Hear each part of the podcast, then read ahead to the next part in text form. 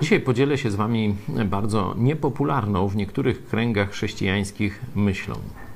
Pochodzi ona z Psalmu, czyli ze Starego Testamentu, ale podobne myśli możemy znaleźć także w Nowym Testamencie. E, stąd tu jest powiedziana bardzo lapidarnie. Zobaczcie zresztą, 34 Psalm, werset 20. Wiele nieszczęść spotyka sprawiedliwego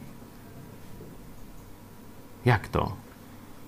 Sprawiedliwego człowieka, który już jest w stanie pokoju z Bogiem, e, przenieśmy to na kontekst Nowego Testamentu, e, obmytego krwią Chrystusa, na którego Bóg już e, patrzy jako na swojego przyjaciela dzięki krwi Chrystusa, a tu nieszczęścia?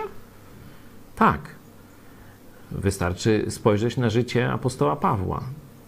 To jedno pasmo nieszczęść opowiada o rozbiciu na morzu, o biczowaniach, o prześladowaniach, o udrękach, o samotności, o płaczu, o głodzie itd., tak itd. Tak Jeszcze raz. Wiele nieszczęść spotyka sprawiedliwego. To fakt. Żyjemy w świecie, gdzie zło jest jeszcze obecne. To dopiero w niebie Bóg obiecał otrzeć wszelką łzę z naszych oczu i tam dopiero nie będzie cierpienia, mozołu, ani też śmierci. Ale ten werset powiedziałem tylko w połowie, czyli w sposób niepełny, a teraz przeczytam go w całości. Wiele nieszczęść spotyka sprawiedliwego, ale Pan wyzwala go ze wszystkich. Chwała Bogu.